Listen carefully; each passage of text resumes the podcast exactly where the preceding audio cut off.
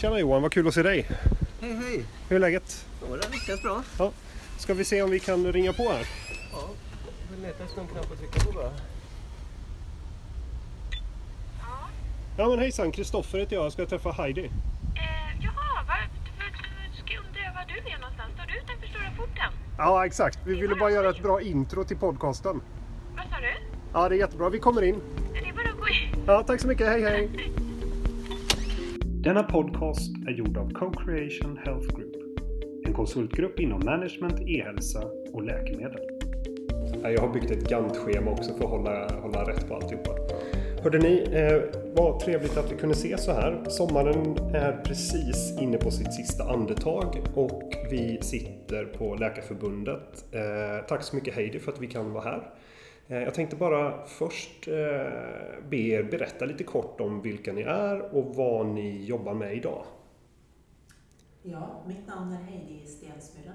Jag är eh, narkosläkare i botten. Är ordförande för Sveriges läkarförbund och har arbetat länge med olika frågor inom hälso och sjukvårdsområdet. Mitt arbete är mycket sjukvårdspolitik, mycket fortbildning och professionsfrågor eh, och också självklart väldigt mycket förhandlingsfrågor. Så det ska berätta om brett område. Men gått botten är jag narkosläkare. Mm. Ja, Johan Wallér heter jag. Eh, jag är från början socionom. Jag tror, jag i princip har jag aldrig jobbat som socionom faktiskt. Eh, jag har gjort massa olika saker i mitt liv, i min karriär. Eh, men jobbat mycket med organisation, organisationsförändringar och sånt som handlar om att människor behöver förändras. Eh, och- människor är de som utgör systemen och organisationerna. Så att det- handlar väldigt mycket om, om eh, skapa förändring och eh, få förändring att hända. Jag har varit i apoteksvärlden jättelänge. Till och med nu kan, man, nu kan jag faktiskt säga att jag har varit här länge. För det är, nu börjar det närma sig 15 år. Och de senaste sju åren så har jag arbetat på Sveriges Apoteksförening. Och haft uppdraget att försöka få ihop en, en ny men väldigt gammal bransch. Eh, Och att få den att fungera på ett så bra sätt som möjligt. Eh, världens roligaste jobb har jag. Mm. Det är lite coolt. Eh, Det är ju, är ju världsfenomenet. Jag har precis läst en, en bok om att trivas på jobbet är en av de viktigaste hälsobringande effekterna man kan ha. För man jobbar ganska mycket och då är det ju typiskt bra att må bra på jobbet.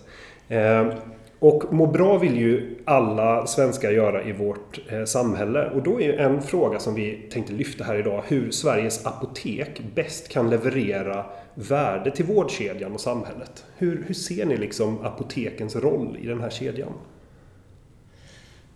Jag ska börja fråga mig. Ja, jo, ja, det är väl klart. Ja. Och ni kan säkert räkna ut vad jag ska svara. Men alltså, apoteken har en otroligt viktig roll. Självklart.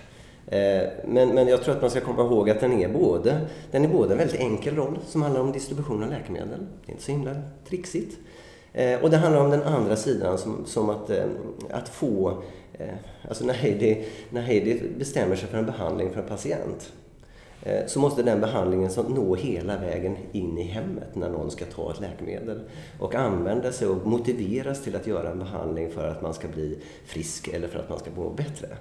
Och i den där väldigt komplicerade situationen som apoteken spelar en stor roll. Så kombinationen mellan det väldigt fyrkantiga och enkla, alltså tillgänglighet till en förpackning, till att få en motivation till en läkemedelsbehandling som en läkare har bestämt. Och det där är så brett, det fältet. Eh, och det är det som gör att det blir komplicerat. Det är det som gör att det kan bli jättebra, men det kan också bli mindre bra.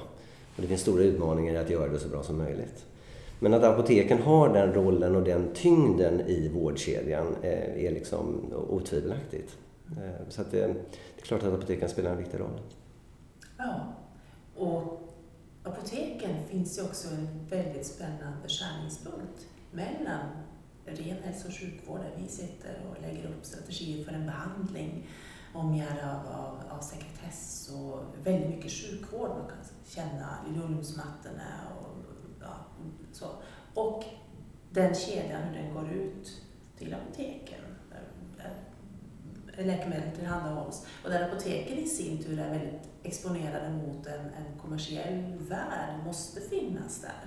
måste, måste han kunna hantera den här transitionen ute i folks vardag och hur det ska passa in i, i, i en, en väldigt bred kontext kan man säga. Och samtidigt så ska vi ha löpande kontakt med apoteken. Vi ska, ju helt, ska ju ligga väldigt tajt med varandra, liksom jacka i på ett bra sätt. Eh, så. Och jag tror apoteken, man ska inte underskatta den historiska betydelsen hur alla känner till apoteken. Det är ju som ett begrepp, alla har en uppfattning om apotek. Eh, vi pratar ofta om eh, hur kan vi få reformer att slå igenom? Hur kan vi liksom skapa avtryck så att folk har ett förhållningssätt till olika reformer? Ja, jag tror vi underskattar hur lång tid det tar och det värde av att alla vet och har en uppfattning om apoteken, varumärket är väldigt inarbetat, är viktigt för, för eh, folks beteende och för att det ska fungera.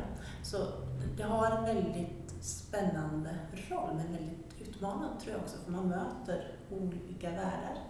Mm. Det, är aldrig, det är ju aldrig en part som kan göra allt. Nej. Eller väldigt sällan så. Utan ofta ser man ju kombinationer av olika grupper eller kompetenser som får liksom ett problem att bli löst. Jag menar, herregud, om du, om du ska liksom renovera det här huset som jag har sett att ni håller på med här nu Heidi, så är det liksom olika kompetenser som behöver göra olika saker. Och så är det i vården också, i vårdkedjan också. Och, och där är apoteken en del utav det, eh, där det inte är så att någon annan självklart skulle kunna ta över det. Det som apoteken har är alla de här mötena med människor. Vi träffar otroligt många människor. Både de som kommer direkt från, från sjukvården, eh, men också de som kommer hemifrån som är där för att göra helt andra saker. Ta hand om sig själva eller sin hälsa eller sin hud eller vad det nu kan vara för någonting. Och det är ofta så att apoteken är liksom den sista gången du får möta någon som kan något. Innan man lämnar åt sitt eget öde. Då, då står du där framför ditt medicinskåp hemma och kanske ska eh, använda ett läkemedel som du potentiellt mår skitdåligt av. Eh, och så ska man ändå motiveras till att göra en behandling. Eh, och inte ta de där läkemedlen och både gå och säga till sin läkare eller till sin farmaceut att ja, men jag har nog tagit min medicin och så ligger den i papperskorgen. Och där är det ju där är det liksom ett ansvar inte bara mot den här individen utan också mot samhället. Vi, vi som samhälle investerar ju i att ha friska människor. Och det gäller att ta tillvara på det och göra ett så bra jobb som möjligt. Men det är otroligt svårt för vi, varken jag eller farmaceuter på apotek eller Heidi och läkare och andra sjukvårdspersonal kan vara hemma hos människor. Det går inte. Utan vi måste ha system för att få det att fungera så bra som möjligt. Och då gäller det att få ihop det. Ehm, och det är klart, då är vi en kedja och vi måste prata med varandra och vi måste ha samarbete med varandra och så. Men vi har också en individ som är liksom egen och bestämmer över sitt eget liv. Ehm, som vi ska få på ett bra sätt att, att eh, göra det vi säger, höll jag på att säga. Men att göra det som är bäst för, för den personen för att man ska bli frisk eller för att man ska må bättre. Jag tycker du, du nuddar Johan vid en sak som är lite intressant. Det är, tänk i en framtid när du kan ha din egen apotekare och din egen läkare i ditt hem via någon virtuell, eh, eller inte virtuell, men en länk liksom. Mm. Då kan man ju vara där när frågor dyker upp. Men vi ska inte gå händelserna i, i förväg. Vad är det ni tycker liksom, i gränsytan apotek och, och hälso och sjukvård? Vad, vad tycker ni fungerar eh, bra där? Vad är, vad är det som, kan ni ge något exempel på att det, här, det här tycker jag fungerar bra? Jag tror att eh, eh, alltså, farmaceuterna på apotek eller apotekspersonal överhuvudtaget och läkare, vi litar på varandra. För det är, det är otroligt välutbildade människor, både inom sjukvården och inom apoteksvärlden. Eh, man pratar samma språk eh, och man kan kombinera sina kompetenser på ett bra sätt. När det fungerar bra alltså, då är det en jättebra kombination. Mm. Ehm, så när det fungerar bra så har vi liksom alla möjligheter. Men vi har jättemånga fällor också när det inte fungerar bra. Mm. När vi inte pratar med varandra eller när vi inte ens får tag på varandra. Det är också ett problem. För det var lite, en sak som jag märkte när jag, när jag var på apotek var att det fanns några vårdcentraler som låg nära och där hade man ett jättebra samarbete. Man fick tag på varandra och man kände efter ett tag eh, förskrivarna. Och det kändes som att ah, men vi har en bra kommunikation. Men så kom det någon, någonting, kanske eh, en, förskriv, en förskriv, förskrivet läkemedel från slutenvården där det var helt omöjligt att få tag på någon ortoped någonstans till exempel. Ehm, och, och där var ju, så det är precis det du kanske är inne på där att när kommunikationen inte når, når hela vägen. Mm. Ja. Jag tror också att där det fungerar bra är när apotekaren, farmaceuten är en som förlängd arm, att patienten känner igen sig. Man har varit hos läkaren, eh, gått igenom diagnostik och lagt upp behandling och kommer för att hämta ut sina läkemedel. Att eh, man där känner igen, ja men det är de här läkemedlen som ja, vi har pratat om. Eh, och jag får hämtat ut dem. Och det, man känner igen sig lite, att det inte är en annan värld man möter. Mm. Och skulle det vara några frågetecken som uppstår så kan eh, farmaceuten ta en kontakt med läkaren att, att det fungerar, stämma av. Att man inte möter en annan liksom, omvärderad av behandlingen på plats. Eh, för det är ju väldigt förvirrande. Redan idag har vi ju med utbyte av läkemedel olika namn på eh, förpackningar som patienten står och de kan komma in och säga, ja men ta de här två förpackningarna ser helt olika ut med olika namn och så är det liksom mm. samma generiska innehåll mm. i dem nästan. Eh, så, så att när kedjan fungerar, patienten känner igen sig, då är det väldigt bra. Och, och när, precis som Johan sa, när det fungerar, då är det jättebra. Snabb avstämning, informationsutbyte funkar bra. Så. När det inte fungerar bra är det motsatsen. När informationen fallerar, återkopplingen brister, man får inte tag på doktorn som har förskrivit det, någonting. Farmaceuten reagerar och säger att här flaggar, någonting är fel. Mm. Patienten tar tid för patienten. Mm. Och potentialen är ju enorm när vi kan klara att få till den kedjan, kanske med ny, ny informationsstruktur. Mm. Att den här infrastrukturen som patienten befinner sig i eh, fungerar. Mm. Man, ska, man ska komma ihåg det att här är det, det är en kedja. Det, det, det är inte så att, eh, men att eh, läkaren eller sjukvården bestämmer sig för en behandling och sen så har man liksom assistenter som utför den behandlingen eller får den att hända. Utan det är olika kompetenser som har olika roll och syfte i den kedjan. Och, man ska inte sticka under stol med att apoteken är eh, en förlängd arm. Man ska prata samma språk, man ska hjälpa, man ska förstärka den budskapen som man har fått av läkaren. Men man är också en kontrollstation. Man är också en, eh, någon som säger så här, men hallå, stopp! För här har min kompetens så att säga, gett mig kunskap om att här måste jag liksom, eh, trycka på bromsen. Mm. Så, att, så att det är en kombination av eh, kontroll, administration, tillgänglighet men också förstärkning av behandling, budskap, innehåll. För det är, det är otroligt komplicerat. Så att få en läkemedelsbehandling, eh, man är potentiellt kanske dödssjuk i värsta fall, då finns det väldigt många aspekter som man måste ta med sig. Och, och de måste vi ta hänsyn till allihopa.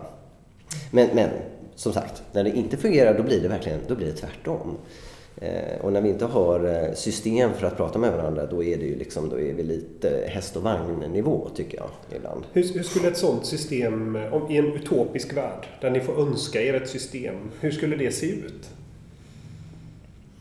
Ja, men en självklar och enkel uppkoppling där vi kan prata med varandra på ett simpelt sätt. Och vi har den så den infrastrukturen den finns ju redan idag och vi har en plan för det. Det är en nationell läkemedelslista på gång och så. Men jag tror inte heller att vi ska tro att det där är nirvana. En, en, eh, ibland är det som att eh, om vi hade elektroniska kommunikationsverktyg så skulle allting vara löst. Mm. Men det är fortfarande så att det, vi kan ringa till varandra. Eh, om, om, om, vi når, om vi får tag på varandra, om någon mm. svarar i telefon så kan vi ringa till varandra och då kan vi lösa de sakerna i alla fall. Det här är bara verktyg för att göra livet lite lättare. Eh, för att göra det som vi redan kan. Ehm, så vi, ska inte, vi ska inte tro att liksom det förändrar allt bara för att vi har elektroniska informationsvägar mellan oss. Vi behöver det. Det är en hygienfaktor. Ehm, så, och det ska vi se till att få, få, få ordning på. Ehm, men vi är på väg dit.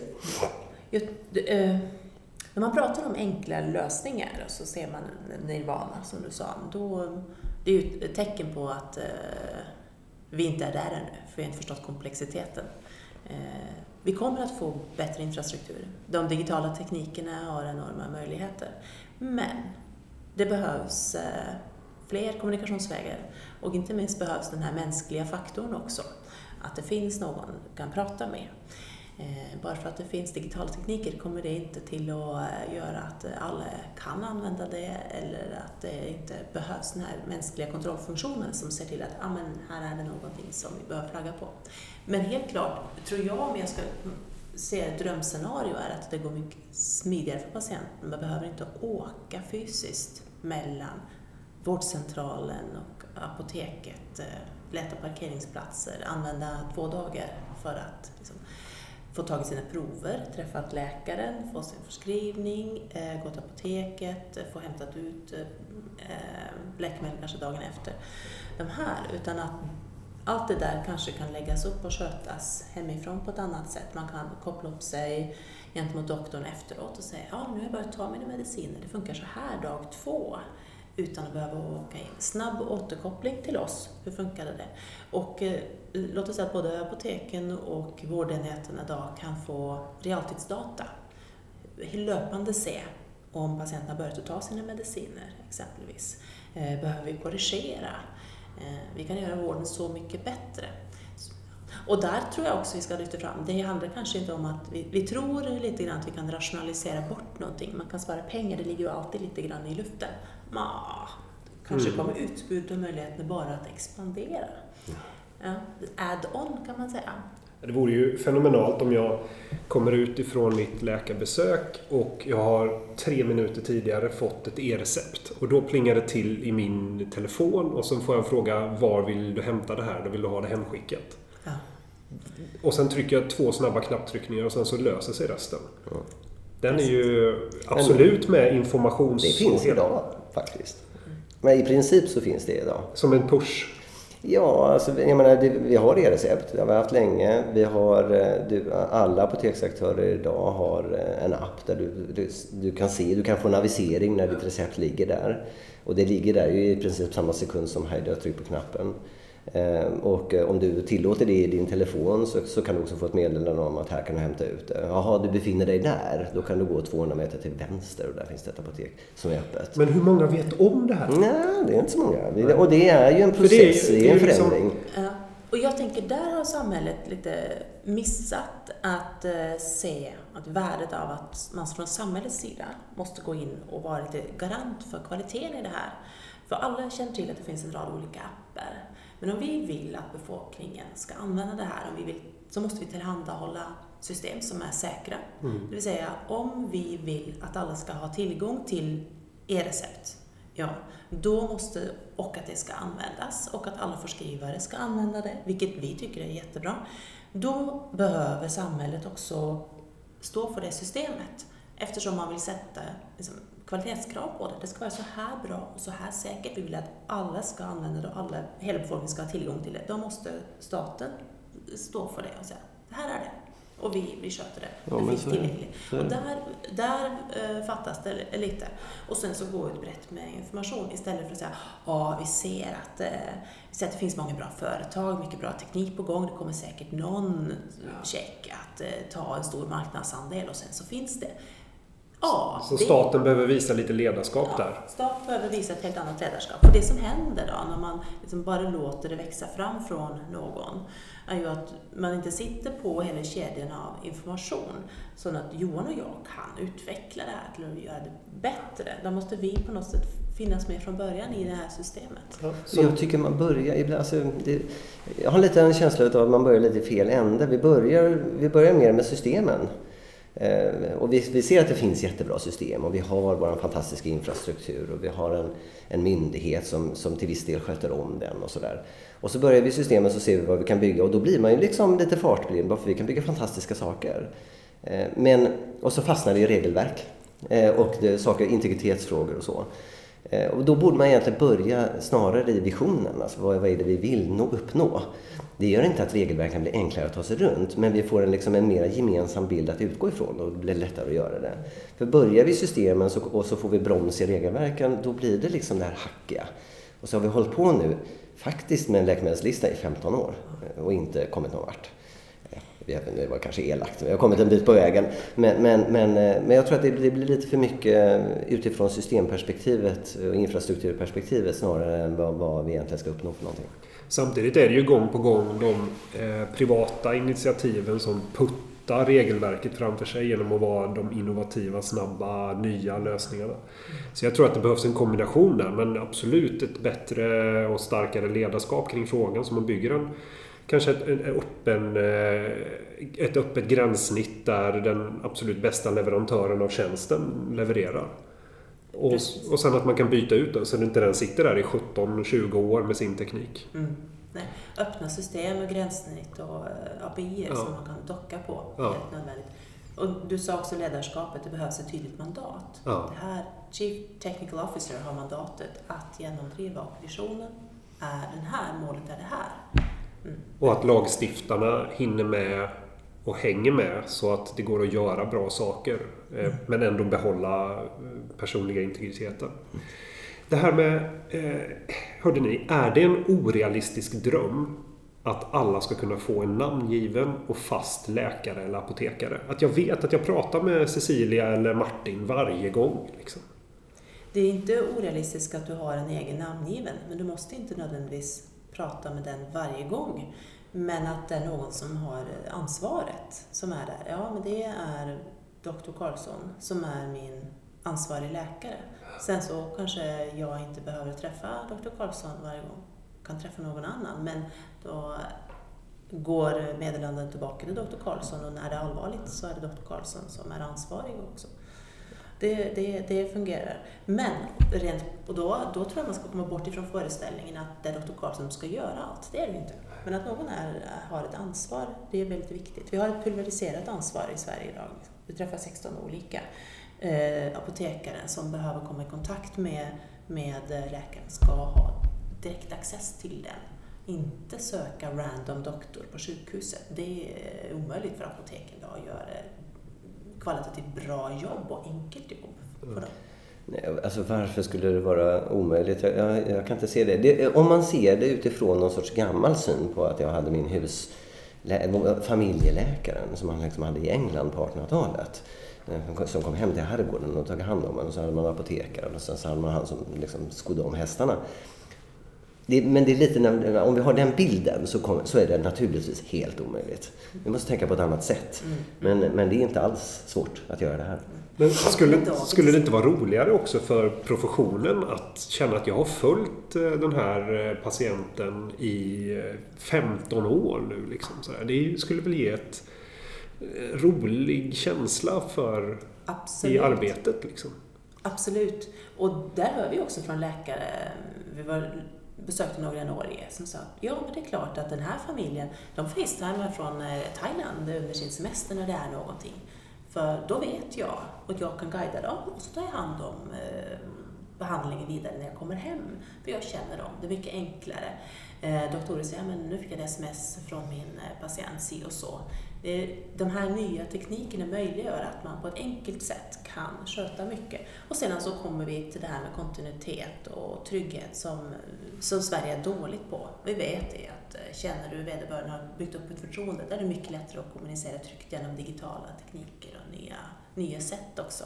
Så i en helt ny setting så kommer det att eh, fungera. Precis som läkaren säger, ja men, ja, men jag vet ju om apotekare, om apoteket si och så, där är den apotekaren och vi har jobbat ihop i eh, evigheter. Vi träffas aldrig, men jag vet den där på den sidan är ansvarig för Ja. hela. Mm. Men, och, men samtidigt så, så är det ju så att vi lever också i en värld där, där människor har liksom sina individuella behov. Man vill bestämma själv, man vill byta. Eh, vi, vi kan inte heller ha system där man känner sig att ja, jag, där, oj, där fick jag den där läkaren eller den där farmaceuten och sen så var jag fast med den resten av livet. Alltså, man måste kunna på ett enkelt, precis som när vi väljer bank. Alltså, nu ska jag välja bank men det är så jobbigt så jag orkar inte. Eh, och man ska kunna gå till vilket apotek man vill, man ska kunna få sina leveranser hur man vill. Vi ska öppna upp för att man kan eh, göra det som passar den individen, patienten, bäst. Eh, men att det ska kunna erbjudas att man ska kunna ha den här kontinuerliga kontakten, den är ju liksom, den är självklar. Om vi nu tidigare pratade om att det här är komplicerade saker, det handlar om mänskliga beteenden, det handlar om att få skapa motivation till saker. Det är klart att trygghet och kontinuitet är bra för det. Ja. Och vi pratar ju, det som kommer och som är jättespännande är ju nya algoritmer som kan eh, ge stöd och ge, göra analyser snabbt. Det vill säga att det är i princip en moln, en moln alltså Botso, har tillgång till all information och kan eh, kondensera den till läkaren eller direkt till patienten. Men att det fortfarande finns ett ansvarstagande, de som jobbar i vården. Någon måste ju ändå ta det, vara den mänskliga faktorn som säkrar att det inte går fel. Liksom. Mm. Skulle Watson göra en felkalkyl så drar man inte ut sladden liksom, och säger att ja, men nu får du vara avstängd en vecka. Utan det måste vara någon som har ansvaret när det går fel och säkra att det inte går fel. Så den här kombinationen av high-tech och empati måste ju finnas. Eh, så. Men, eh, ja. Mm.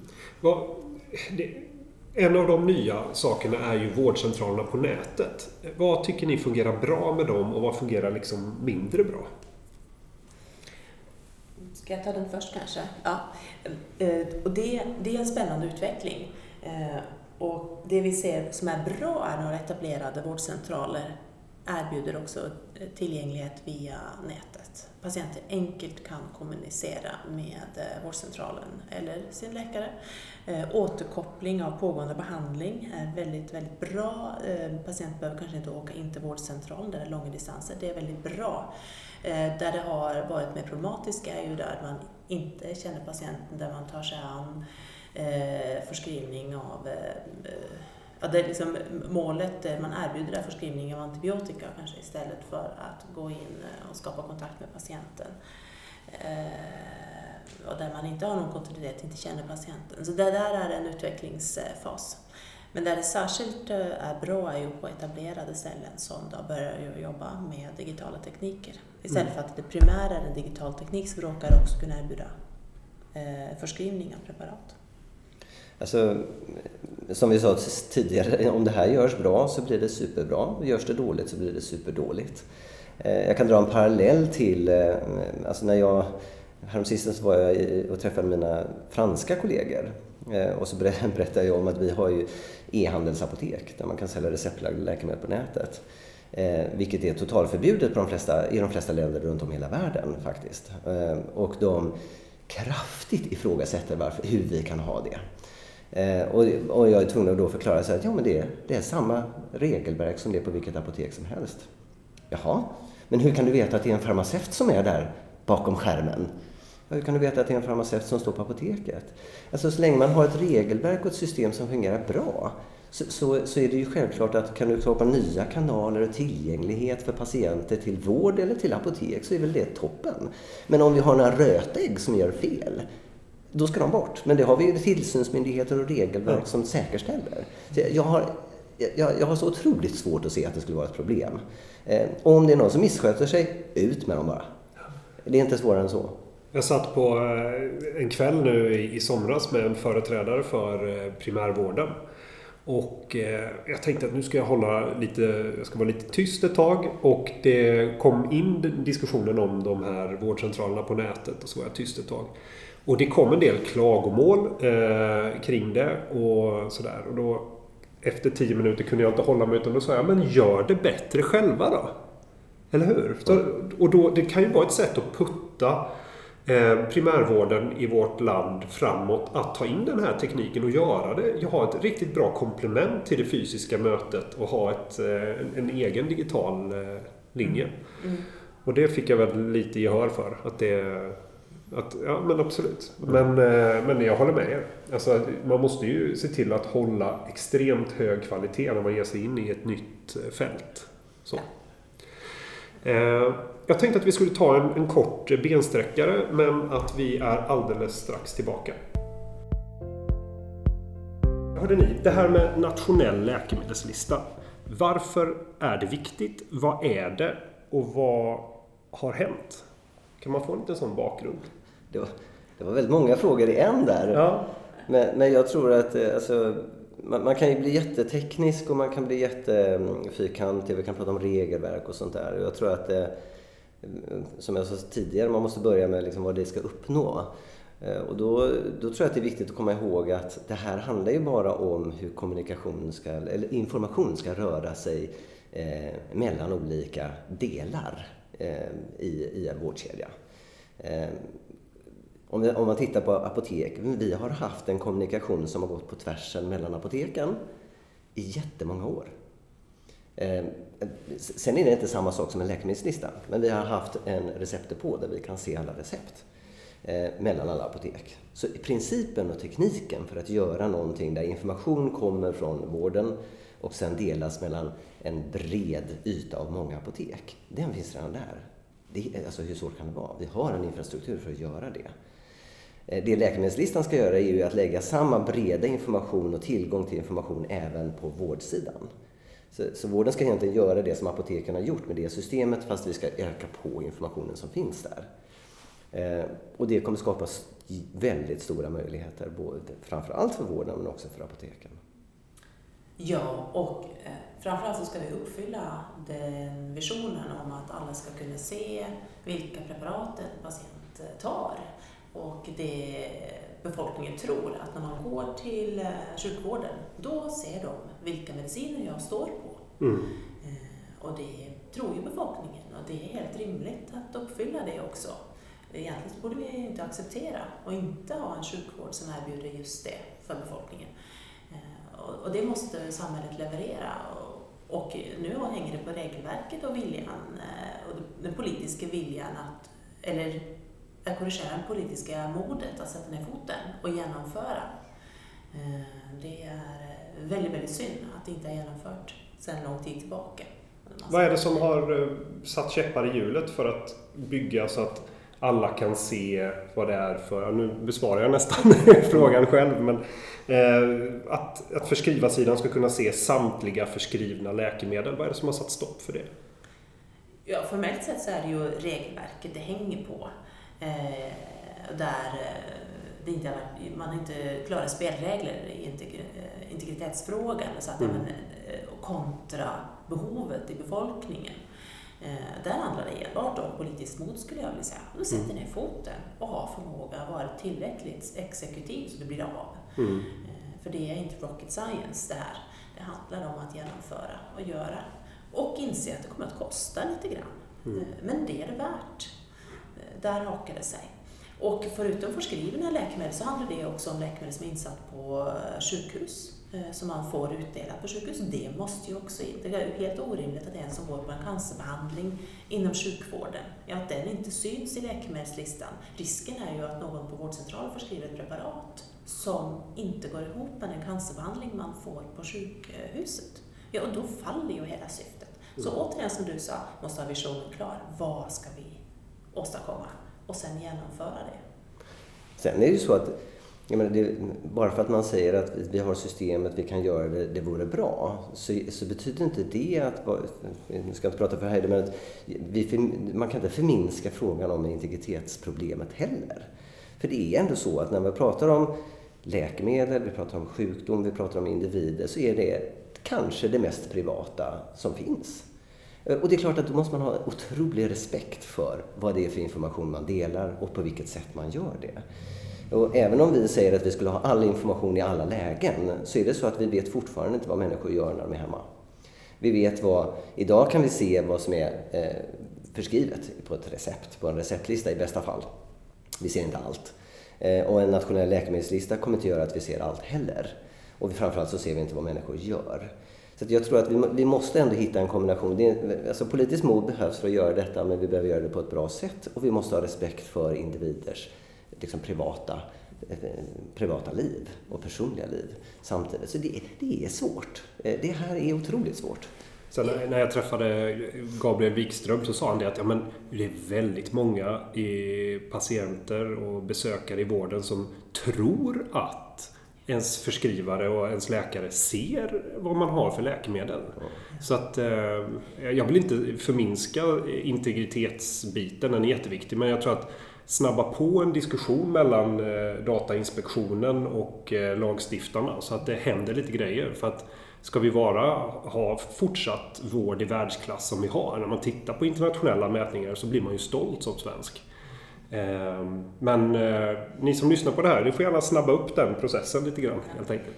Jag, jag, tror vi ska se det här lite i ljuset också av vad som hände med Transportstyrelsen. Om vi sätter det i dagens kontext så handlar det mycket om förtroende. Även om ingen person har kommit till skada så bygger det här med att ja, jag accepterar att mina data lagras på ett förtroende för systemet. Eh, och det är därför vi säger att ja, då måste samhället gå in och säga att vi, vi sätter kraven på eh, systemen så de eh, säkrar integriteten. Och därför går vi också in och har ett, ett ägarskap även om en utvecklare tar fram produkten och levererar, mm. vi köper den på många sätt. Men vi har ett tydligt krav och ett, på något sätt vi är villiga att betala för det också och garantera det gentemot befolkningen. Så att vi inte hamnar där att det blir outsourcat. För då kan vi bygga in förtroende. Eh, svenska befolkningen är ju väldigt eh, benägna att lämna ifrån sig sina data. Vi mm. finns ju Med personnummer och ja, alla register. Och, mm. Jajamän.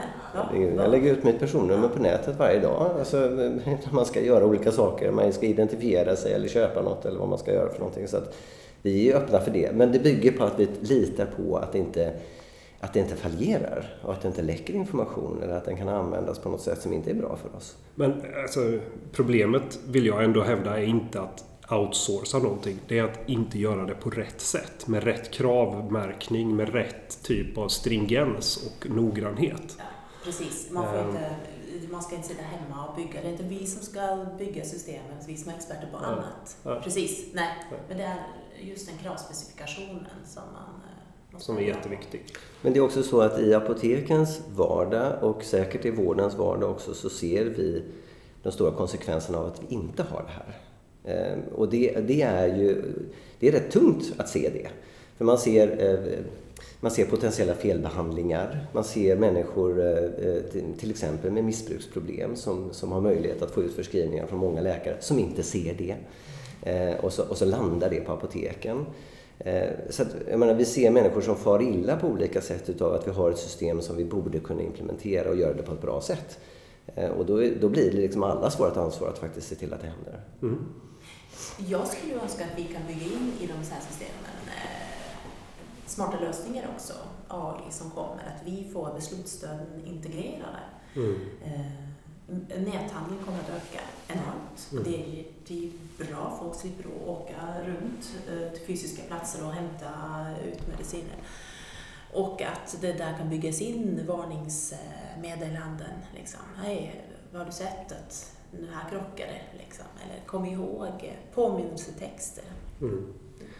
Men när jag är ute i min, eh, i min vardag så har jag en sån här radar för att hitta, jag vet inte, hitta effektivitetsmöjligheter. Det är någon skada jag har, det är väl något medfött kanske, jag vet inte.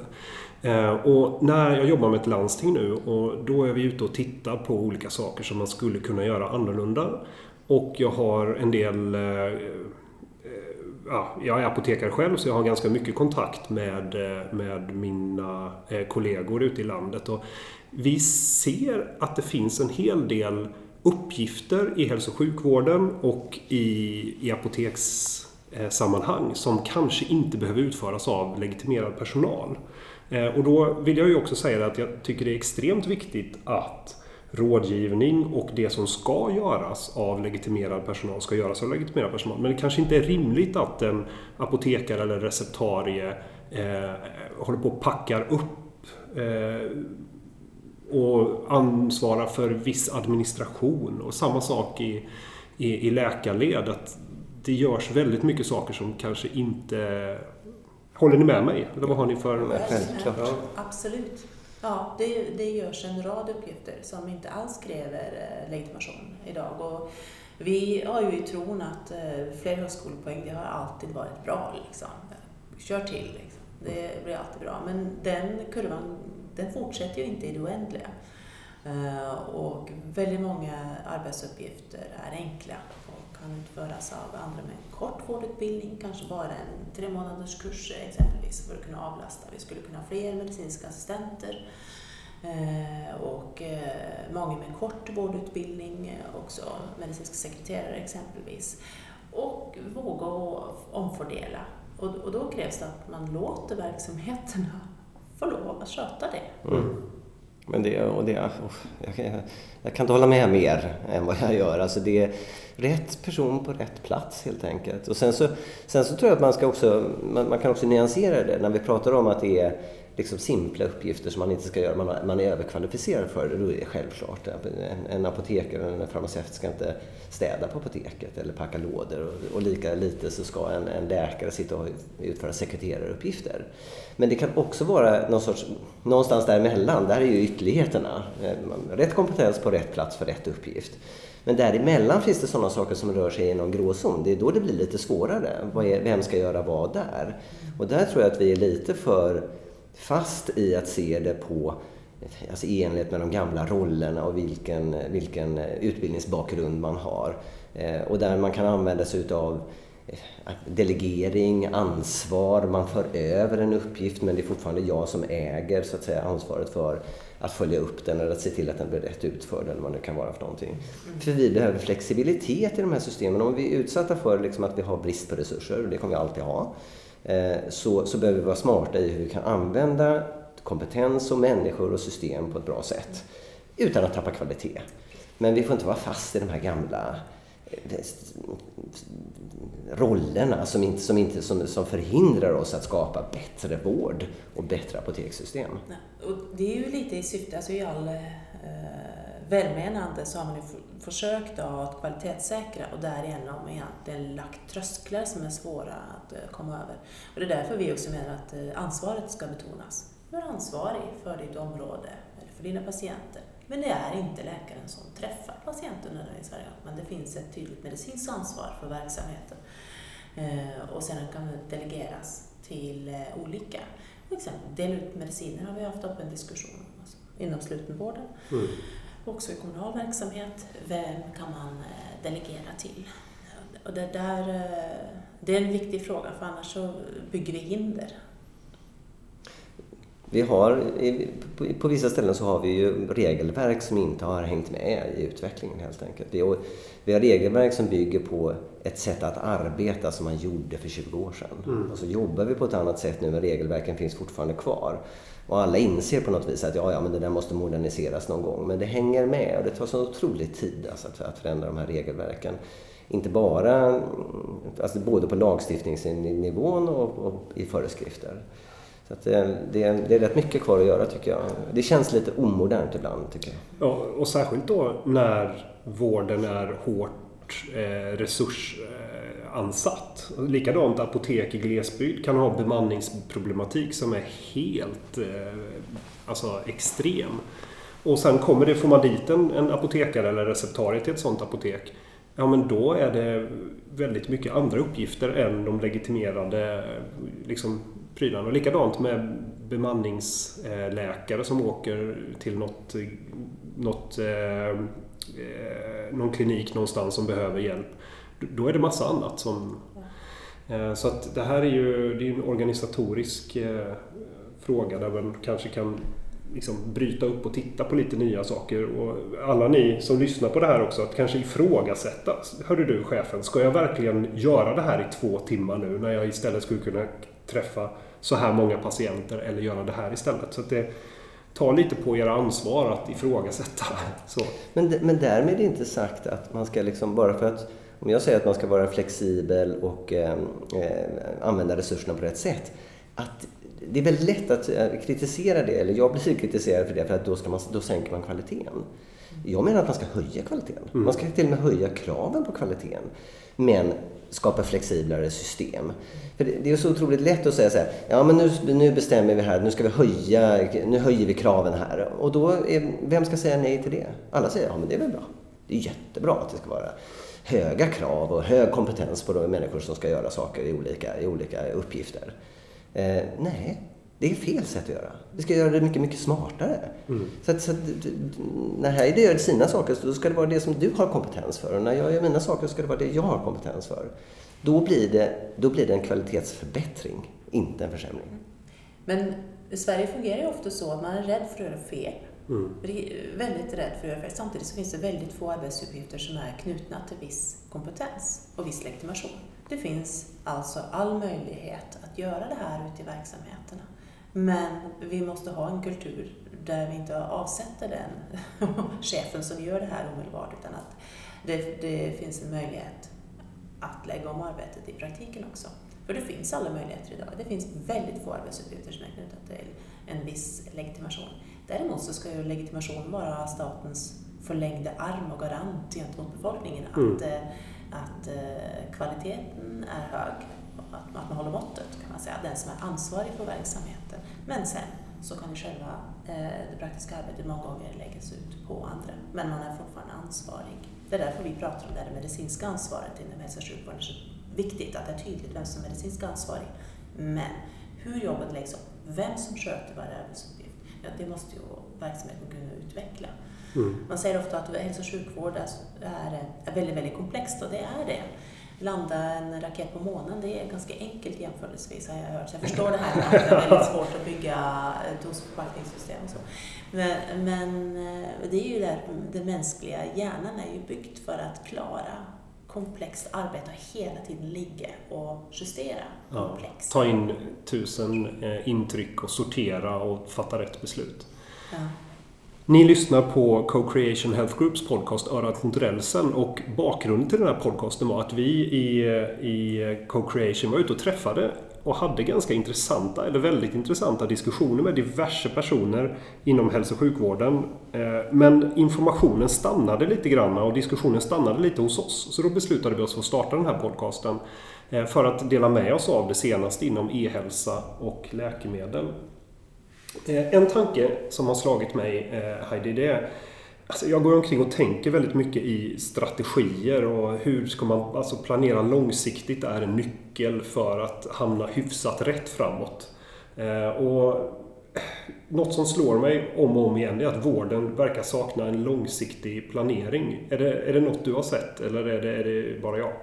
Ja, absolut. Eh, svensk hälso och sjukvård har inga riktigt långsiktiga planer. Det finns på vissa områden och vissa insatser. Men Eh, den här eh, stora bilden saknas. Det hänger ihop med bristen på beslutsmandat. Det är osäkert vem som är ytterst ansvarig. Man skulle behöva en, liksom, en, CMO for Sweden, en Chief Medical Officer som, som kunde eh, förkroppsliga det här. Men vi har ju en nationell nivå med regering och departement Eh, på hälso och sjukvårdsområdet också som har visst ansvar. Eh, sedan så har vi en rad olika landsting som har eh, ett landstingskommunalt självstyre och så har vi ju det faktum att hälso och sjukvården är politiskt styrt.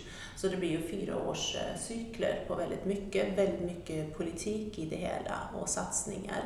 Ryckiga, miljard, en miljard till någonting, korta projekt, insatser. Ja, den här långsiktiga planeringen saknas. Och då vet vi att då tittar vi på hälsa, det vi mäter idag, där Sverige solar sig i glansen av att ha bra resultat. Ja, men det var ju på grund av insatser och system 15, 20, 25 år Mm. tillbaka. Mm. Så det är det vi har framför oss. Så det vi har idag har vi ännu inte sett några resultat av. Så när vi åker runt i världen internationellt om 20 år, då kommer vi att ligga någon helt annanstans i jämförelseskala med, med andra. Ja, så jag skulle vilja se mycket mer långsiktiga planer, tydliga visioner som är konkreta. Mm.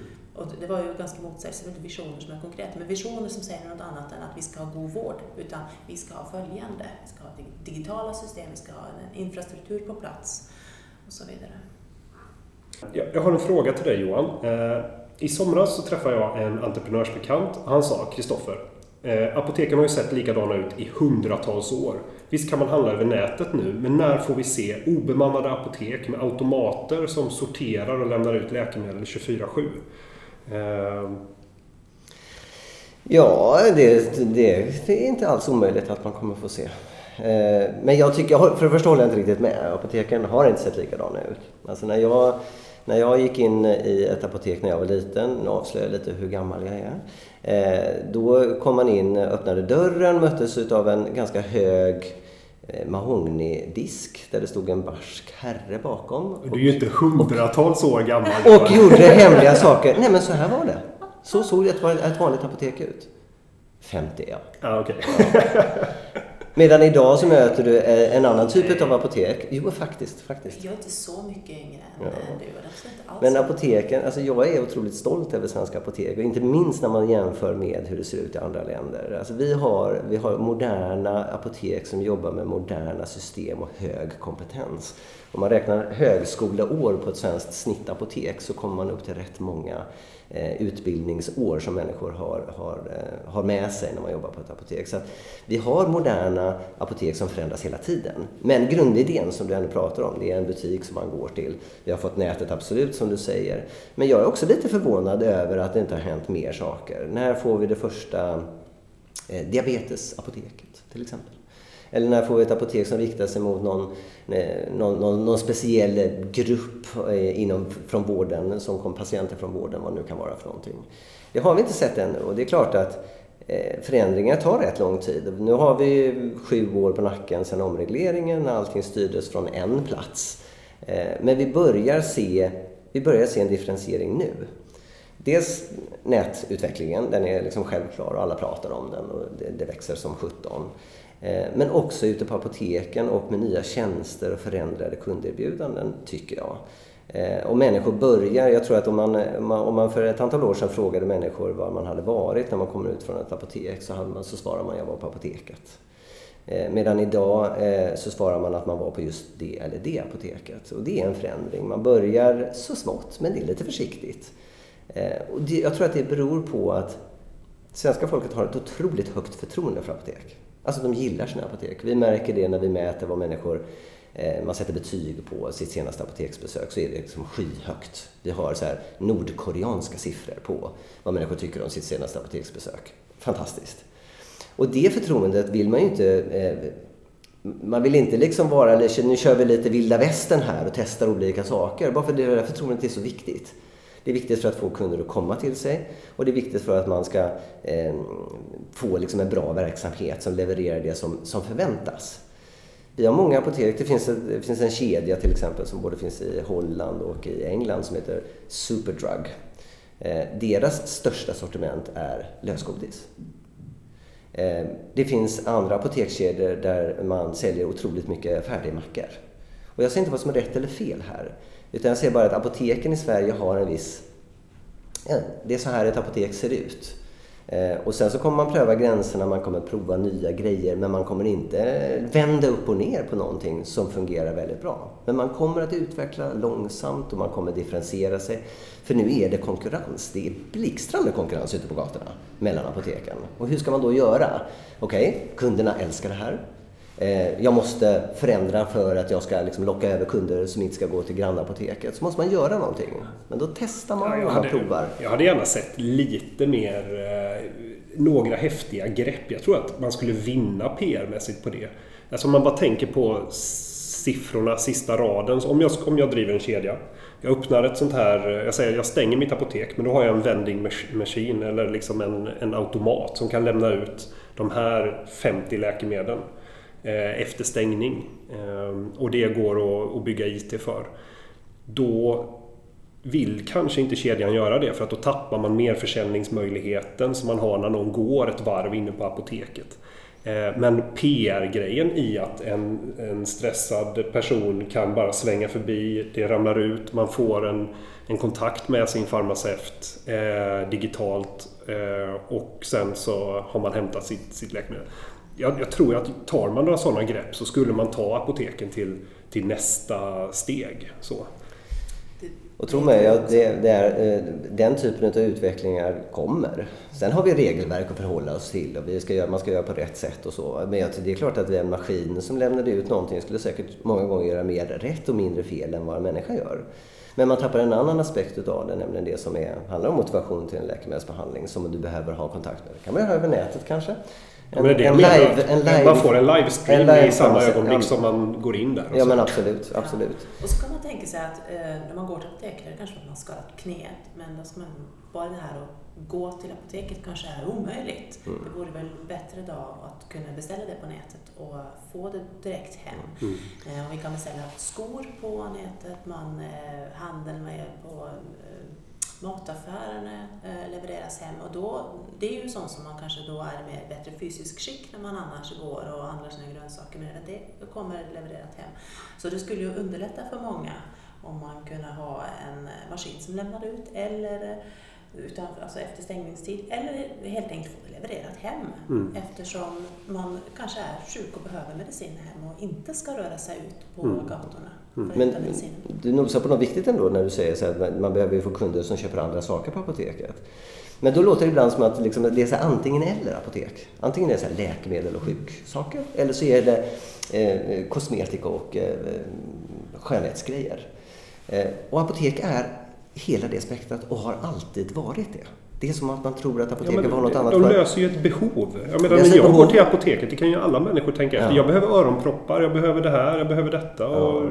mer Vad- saker. Så att det är ju liksom helt naturligt. Ja, och apoteken säljer alltså, lä läkemedel för en tung cancerbehandling till ett barn.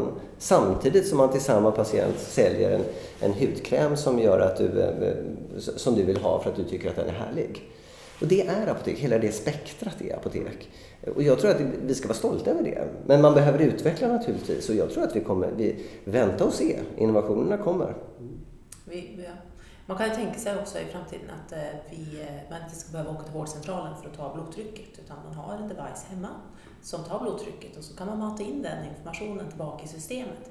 För det är också en aspekt. Vi som utvecklar tjänsterna och erbjuder hälso och sjukvård eller eh, utlämning av eh, mediciner behöver ju ha återkoppling också för att vi ska kunna utveckla systemen. Mm. Så att vi kan ha realtidsdata att jobba med. Hur många eh, hämtar ut mediciner, när på dygnet gör man det?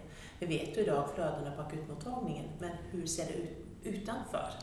Eh, det är ju bra med systemet också. Det är samma sak där. Heidi. Vem gör vad? Nu, vi pratade om det tidigare. Vem gör vad inom våran sfär? Men man kan också prata om vem gör vad mellan de här olika länkarna i kedjan.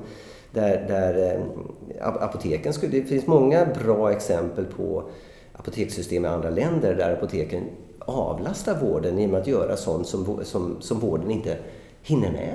Eller som man nedprioriterar. Alltså mindre åkommor. Eh, om man, jag pratade med en bekant som är läkare som sa det att ja, men varför ska jag här på den här vårdcentralen? Jag, jag- har en ganska tung utbildning. Eh, jag behöver liksom inte egentligen hantera den här fotsvampen. Det skulle man kunna göra någon annanstans. Och där gäller det att se, och jag ser inte automatiskt att det är apoteken som ska göra det eller hur det ska gå till, det vet jag inte. Men vi behöver se också över de här länkdelarna i, i kedjan, de olika länkarna, vad vi kan göra för varandra för att göra det bättre. Vi har väl kanske en föreställning att om man delegerar arbetsuppgifter så ska det gå från läkare till en sjuksköterska till en annan. Liksom. Men det där är inget givet. Det kan hända att patienterna kan sköta det själv. Eh, att de kan ha direktkontakt med den som är, har det medicinska ansvaret. Och då krävs det kanske färre eh, distriktssjuksköterskor. De kanske gör någonting annat.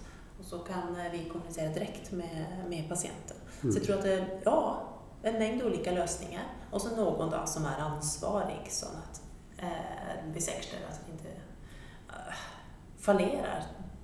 Och, och gör det det så ska det gå tillbaka till den som är ansvarig. De säkrar ansvaret även om man Mm. har den nya. Ja, men eh, leverera vård med kvalitet liksom. Ja. Och inte går utanför sin, sin kunskapssfär. Det är ju också viktigt. Precis. Eh, jag, jag kommer ställa den här frågan med apotekens utveckling framåt när jag träffar Johan Olofsson eh, om två podcastar fram.